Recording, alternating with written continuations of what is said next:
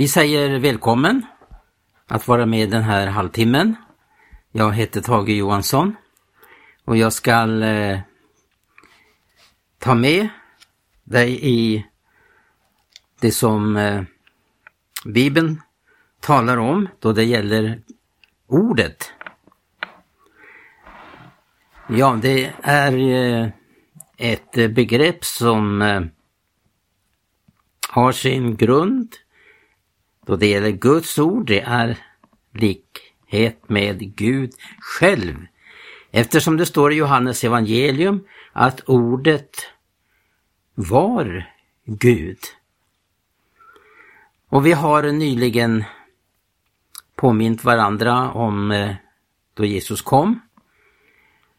Och det är ju en stor händelse i Guds frälsningsplan och historia att Jesus skulle komma och han kom av den anledning att han skulle uppenbara ordet. Det ord som var hos Gud, det kom nu att uppenbaras i människogestalt. Ja, jag har ju visserligen tagit upp det här tidigare men eh, jag ser det som en väldigt viktig del i en biblisk undervisning att det handlar om att eh, vi ledes tillbaka till ordet. Ordet som eh, det var från begynnelsen. Ordet eh, som, eh, ja det heter också så i Johannes evangelium. Och, ja, och kanske vi ska först titta på det som står i Johannes första brev.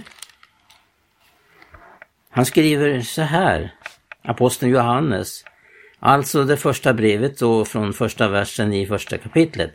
Det som var från begynnelsen, det vi har hört och det vi med egna ögon har sett, det vi skådade och med egna händer tog på, det förkunnar vi, om livets ord talar vi. Ja, ordet kom också att uppenbaras i människogestalt. Tänk så fantastiskt. Genom Guds egen son. För det står ju också så här eh, i Johannes evangeliums första kapitel från den 14 versen. Och ordet vart kött. Alltså ordet blev kött. Och vi såg och eh, och vidare står det, och tog sin boning ibland oss och vi såg hans härlighet. Vi såg liksom en enfödd sons härlighet från sin fader och han var full av nåd och sanning. Ordet kom att uppenbaras alltså i människogestalt som var Jesus Kristus, han som är till från evighet och till evighet. Då det gäller begreppet ordet så är ju hela vår tillvaro fylld av ord. Vi matas av ord. Vi nås av eh, eh, ordet på olika sätt. Vi eh, möter det genom media, tv, radio, eh, mobilen, datorn som vi använder också för att eh, mottaga budskap. Och vi hör med våra öron. Och hela, ja det är väl så här att hela eh, det som rör sig i rymden är fylld av ord. Det kommer ord, det strömmar av ord.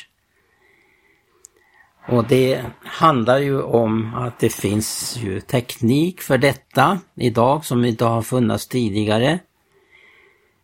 Utan idag så för man ut ordet på ett effektivt sätt. Och bakom de här orden så finns det en, eh, också en verklighet. Någonting som eh, eh, ligger till grund varför ordet förs fram. Och vi använder ju både muntligt och i skrift ord till varandra. och vi talar många ord. Ja, ibland så är det ingen stopp på ordflödet ifrån vår, vår mun och vår tunga. Tungan är ju verkligen ett redskap för ordet. Apostlarna använde tungan för att förmedla ordet. De talade ordet. Och de kämpade för ordet. Och först och främst predikade de ordet om Guds frälsning. Till omvändelse, till överbevisning om synd, dom och nåd. Och man upplevde att Gud verkade mäktigt genom ordet. Ja, han stadfäste ordet, står det till och med, med tecken och under. Men som sagt finns det många ord och vi eh, möter dem dagligen och stundligen. Det är nedbrytande ord. Ja, det finns väldigt mycket det, det handlar om ordet. Och vi vet att eh, ordet som jag nyss sa, det har någonting att förmedla. Det finns en, eh, ett ändamål bakom ordet. Reklamen är ju, eh, för ju ord sitt budskap för att vi ska konsumera mer eller på något annat sätt ägna oss åt någonting, oftast det som är så nedbrytande för människans sinne. Och vi ska verkligen inte ta emot vad som helst, utan i frälsningen så får man ett renat sinne och eh, man kan också i frälsningens förnyelse bevara sinnet rent. Så vi tänker trons tankar, Guds tankar. Vi har ordet som grund för det vi ska säga. Ja, vårt ord ska vara kryddat med salt. Men det finns många ord då som kan vara antingen till uppbyggelse eller till nedbrytning. Men man kan tala till exempel då det handlar om listiga ord. Det var väl det först och främst som Ormen i lustgården använde sig av listiga ord. Och bakom de orden så döljdes någonting. Och vi kan tala om snärjande ord som snärjer, förleder. Vi kan tala om ja, de här uttrycken som jag nu nämner, det finns ju i Bibeln. Osunda, onyktra ord finns det. Då det ju handlar om hur människan till exempel, som Bibeln varnar för till den troende att eh, bli onykter. Och man har fått del av onyktra ord. Eh, ondskefulla ord, det finns det gott om. Ja, man kan till och med säga att världskrig startas genom ord. För det börjar med ord faktiskt. Det börjar med motsättningar, det börjar om budskap i den ena eller den andra riktningen. Så det finns verkligen i vår tillvaro, vår värld full av ondskefulla ord. Det finns förtalande ord. Bibeln varnar för att förtala. Det är väldigt lätt att man kastar en skugga över sin medmänniska. Och ännu allvarligare då det handlar om i församlingen, att tala väl om varandra på det sätt som har att göra med vårt salt och ljus i vår vandring. Vi talar rätta ord, sanna ord. Ord med salt i. Ja, så kan vi fortsätta. Listan är lång. Där kan vi benämna olika namn på ord. Dömande ord. Vi ska döma, inte, vi ska inte döma, säger skriften. För att eh, med den dom vi dömer ska vi själva bliva dömda. Men det får man ju skilja på då det handlar om att bedöma saker och ting är en sak, men att döma, eh, uttala dom över någonting, över en människa. Eller ett förhållande. Tomma ord, ja det varnar ju Bibeln också för, klart och tydligt. Den som ägnar sig åt tomma ord upplever att det är inte oskyldigt. Det följer med sig många ting av tomma ord. Det finns tvivlets ord. Det är också väldigt eh, förekommande i den heliga skrift om människor som sprider tvivel omkring sig. Var det inte så att eh, dessa som Mose skickade in som spejare, att eh, den enes budskap gjorde att folket började gråta och eh, jämra sig och förfära sig över sin situation. Medan det fanns då bland de tolv två, tolv alltså men två som talade trons budskap. För i dem bodde trons ande. Och har vi trons ande då talar vi inte tvivlets ord utan vi talar trons ord. Det var det Josua och Kaleb gjorde inför folket. Vi kan tala om högmodets och eh, övermodets ord. Var det inte så att eh, när folket befann sig i Kades Barnera att eh, man i övermod drog upp, fast Gud inte hade sagt det. Man hängav sig åt övermod.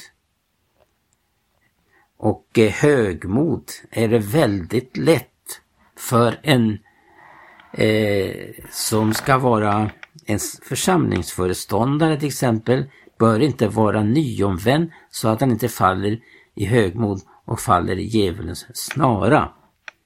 Högmod ligger nära till hands, men Gud har medel för att hålla oss eh, på en sann nivå med tanke på dels den uppgift vi har och vad vi ska uträtta i den här tiden. Att vi alltid är ödmjuka inför uppdraget och giver Gud äran.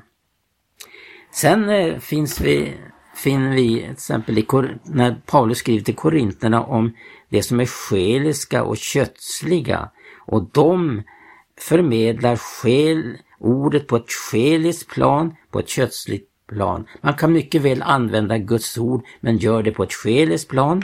Därför att en själisk människa kan inte ta emot vad Gud ger. Det är en dårskap för den själiska människan. Det Gud förmedlar. Det Gud talar. Och kötsliga ord, det är också bekant när vi läser om eh, det Paulus skriver till Korinterna. Det fanns ju i församlingen andliga kristna, själiska kristna och kötsliga kristna. Men Paulus var angelägen att skulle lägga till rätta detta, att de skulle få växa upp till full mognad i Kristus och bli andliga människor, Guds människor. Har vi ordet också, på en särskilt sätt kan eh, drabba oss och det är det här åtskiljande ordet. Ordet, ja, det står ju tydligt och klart i Hebreerbrevet att ordet är åtskiljande. Det åtskiljer själ, ande, märg och ben och det är en domare över hjärtats uppsåt och tankar. Ordet åtskiljer, det måste åtskilja själ och ande, märg och ben, det som för ögat inte syns vara någon gräns, där drar ordet upp en gräns, det åtskiljer. Och det var ju det också Jesus sa med tanke på sitt budskap, att de skulle inte förvåna sig över följderna av att bli hans lärjunge. Och hans budskap var just att åtskilja. Att eh, det skulle åt, åstadkomma en separation faktiskt. Därför att det är i den här tiden en kamp mellan ljus och sanning. Mellan djävulens makt och Guds makt. Men hos Gud är makten, ära vare hans namn. Men budskapet är genomträngande. Och Jesus säger ju tydligt och klart att han har inte kommit för att skaffa frid utan svärd. Ordet är ett svärd. Det tränger igenom och det måste åtskilja, separera.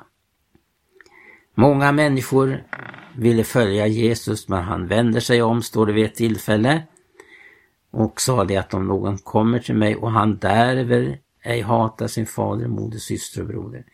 Det vill säga man kan inte ta hänsyn till det som människor menar vara det rätta. Men genom att ta Guds ord på allvar så skulle man kunna uppenbara för människor vad sanning är och varför eh, det måste ske ett åtskiljande. Ja, Bibeln talar också om domsord. Domsord, ja det är faktiskt någonting som är nödvändigt. Gud måste döma. Och Gud har under vissa tider också dömt hela mänskligheten som han gjorde på Noas tid och som också kommer att ske i slutet av den här tidsåldern. Och till sist kommer ju domen inför den stora vita tronen där allt ska uppdagas, allt ska fram i ljuset, allt vad människorna har gjort. Och där är det verkligen ett åtskiljande. Han ska skilja dem, står det som en herde skiljer fåren ifrån getterna. Och han ställer den ena hopen på den ena sidan och den andra på den andra sidan. Och eh, det slutliga blir då att gå in i hans eh, härlighet där han ska slå över sitt tabernakel över dem som har låtit sig frälsas och som har gjort vad rätt var i tiden. Det är intressant också hur Paulus är angelägen om just att bevara ordet. Han uppmanar till mot just till exempel predika ordet och gör det i tid och otid. Både som det kan eh, förstås genom en, någon annan översättning att både när det är eh, populärt och när det är impopulärt. Både när det är säsong för det och inte är säsong. Under alla förhållanden, ordet ska predikas. Det är räddningen. Tänk att eh, det står om Petrus vid det tillfälle då han fick uppdraget att föra evangelium till hedningarna som faktiskt inte hade eh, skett vid det här tillfället då han var i Joppe och bad. Han var på taket och fick en uppenbarelse. Han skulle gå med evangelium till eh, Cornelius hus. Till en hedning alltså. Men det som är intressant i det här sammanhanget att ängeln säger till Cornelius att han ska tala till dig ord genom vilken du ska bliva frälst. Tänk så underbart att vi har ett budskap att förmedla till denna döende värld. Att det finns frälsning i Jesus Kristus, att det finns frälsande ord. Och det står så underbart att när man hade blivit överbevisad på pingstdagen, när lärjungarna upplevde att bli fyllda av den heliga Ande och man hade predikat, så står det att de som då tog emot hans ord, de blev frälsta. Tack och lov. Ordet, eh, det är eh, det ord som vi möter i skriften är inte vilket ord som helst utan vi måste se det som det är Gud som är ordet. Och därför är ordet levande. Som jag nyss citerade från Hebreerbrev, Guds ord är levande kraftigt, starkare än någonting annat. Guds ord är liv, ande och liv. Ja, Jesus sa vid tillfälle, det ord jag har talat till är ande och liv. Men nu ska vi då se på hur denna Guds nåd och frälsning kommer en människa till del. Att det först handlar om att hon mottar, som jag nyss har nämnt, det frälsande ordet, tar emot Jesus Kristus, tar emot ordet och blir frälst. Men sedan begynner i en människas liv efter den upplevelsen en strid. En verklig påtaglig strid om ordet. Så kan vi då se tydligt och klart vad som hände när syndafallet skedde i Guds lustgård. Att det var just kampen om ordet. Och hur eh, denna djävul som kommer i gestalt som en orm med en kluven tunga. Observera detta, det speglar verkligen ormens uppdrag att komma med ett kluvet budskap. Han kan mycket väl använda ordet men i syfte att föra in någonting, exempel för Evas del att börja uppleva tvivel på ordet. Hon vacklade. Och eh, därför ska jag till sist läsa eh, hur denna kamp för sig gick på apostlarnas tid. Och till exempel om vi vänder oss till eh, Kolosserbrevet så finner vi där eh, några viktiga ord om just detta eh, kampen som står mellan ljus och mörker. Mellan det som är sant och riktigt och det som representerar eh, en villfarelse. Och då står det så här i Kolosserbrevet. Och då man läser från andra kapitlet då från sjätte versen. Och så som ni har mottagen, mottagit eh, Kristus Jesus Herren, så vandra i honom och var den rotad i honom och låt eder uppbyggas i honom och befästas i tron i enlighet med den undervisning av ni fått och överflöden i tacksägelse.